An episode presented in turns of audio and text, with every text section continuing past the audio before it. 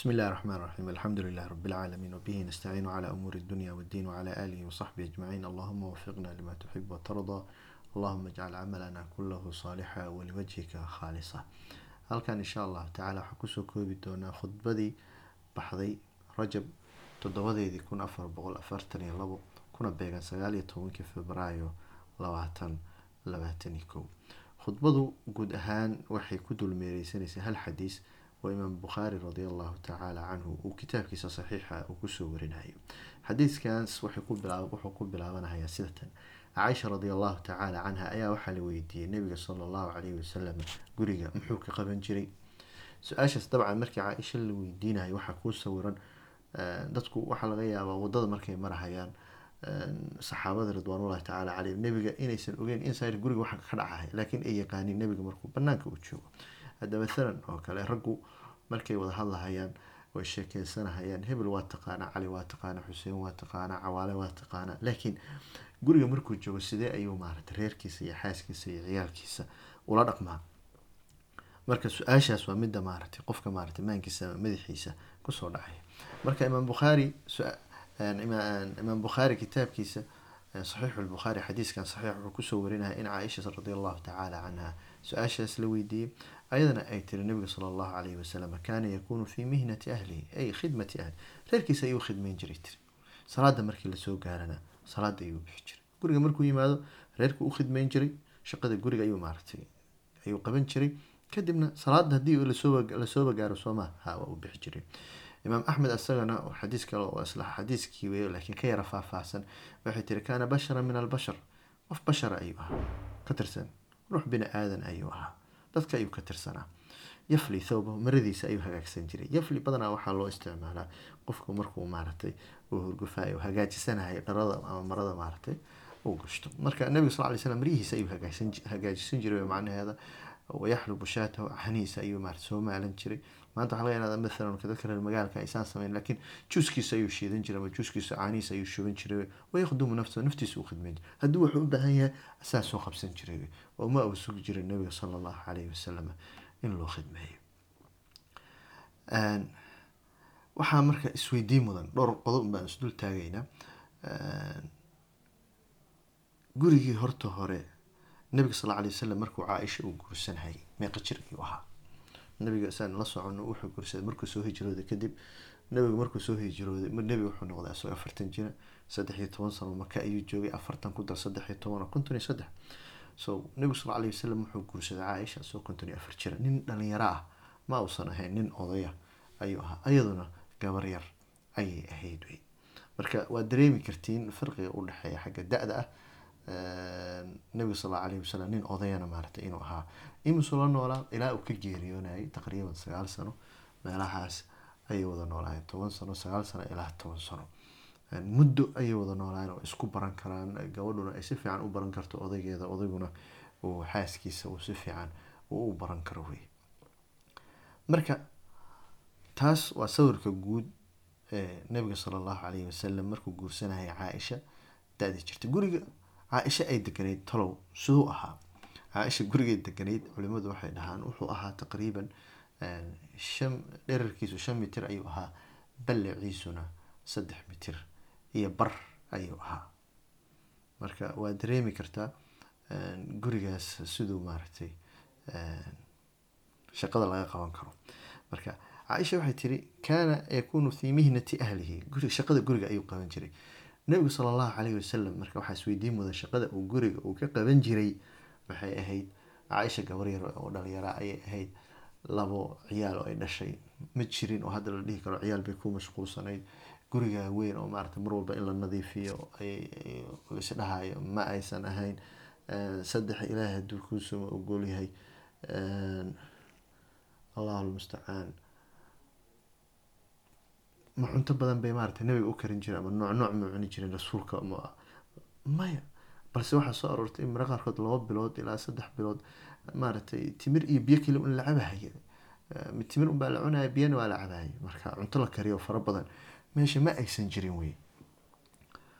Gurigana waa uu yaraa. Marka shaqada uu guriga uu ka qaban jiray nabigu sala allahu calayhi wasalam maxay ahayd marka waxaa la dhihi karaa nabiga sala allahu calayhi wasalam yani caaisha radiallahu canha ila waxay ka dareemi yani waxay ka sheekeynaysaa feelinkeeda iyo dareenkeeda say wax u arkeysay waxaa la dhihi karaa waxay dareentay caaisha radiallahu canha oo rasuulkana ka aragtay in uu nebiga xataa guriga sidaas u yar wax yani uu shaqo u qaban jiray oo shaqo la'aan uusan ahaan jirin. Waxay ku tusinaysaa in gurigu uu mas'uuliyad u yahay wada shaqeyn ay tahay.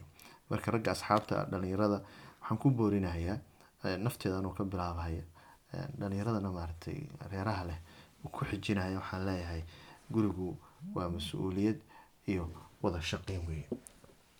Taas waa midda koowaad waay tan labaad in labada qof ay dareemaan inay is caawinayaan isgarab galayan gabdho badan waxaad arkaysaa mathalan oo kale wax badan ka sheeganaya gurigana lagama caawiyo ninkana ma caawiyo.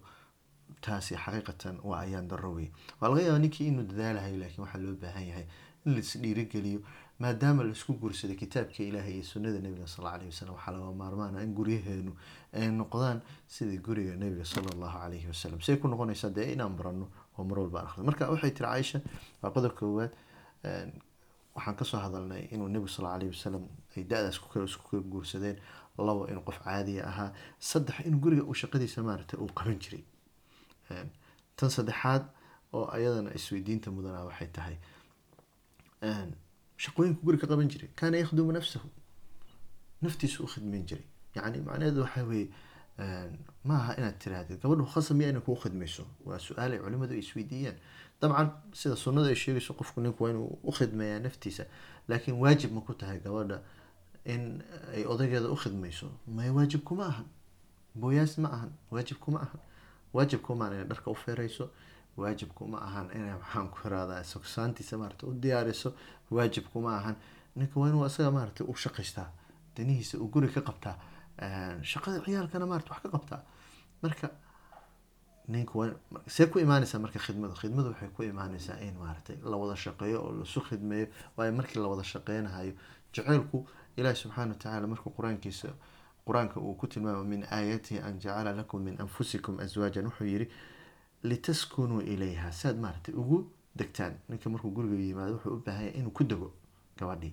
Ee ma inay maxaan ku isla wada raaxaystaan. Ee waxa ninku inuu maaragtay ku raaxaysto xaaskiisa uu dego qalbigiisa u raaxo maaha oo deganaansho inuu maarata markuu arko inuu deganaansho dareemayo markuu guriga u yimaado inuu deganaansho maaragtay uu dareemayo gabadhana waxaa loo baahanya sidaas oo kale. Inay maarata deganaansho ay dareento markii odageeda maarata uu u yimaado.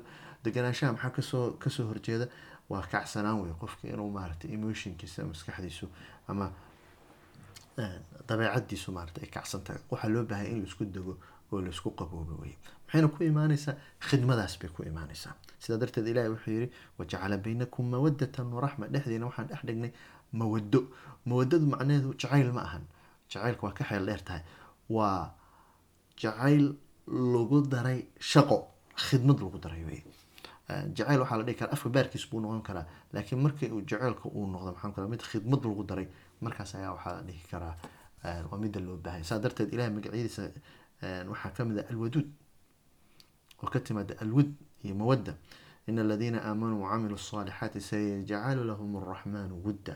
Ilahay waxay dadka maaratay iimaanka laga helay dhexdooda waxaan dhex dhigi doonaa wud mawaddo wey marka waa jaceyl lagu dara shaqo shaqo. Marka macquul ma ahan inaan maarata lasgarab gelayno oo las caawineynin oo maaragtay lasu khidmeyneyn dabcan xaasha waa caaisha radia allahu tacaala canha nabiga sala allahu alayh wasalam u khidmeyn jirtay intay u khidmeyn karto laakiin sidaas ay tiri waxay tiri nabigu sal allahu alayh wasalam naftiisu u khidmeyn jiray marka halasu khidmeeyo halas caawiyo wey macnaheedu midda laga faa-iidahayo xadiiska wey tan ugu dambeysa oo maarata aan ku soo gabagabeynayo waxa weeye laqad kaana lakum laqad xaqiiqa kaana lakum waxaa idinkugu sugnaaday fii rasuulillahi rasuulkii alleh uswatun xasana ku dayasho wanaagsan.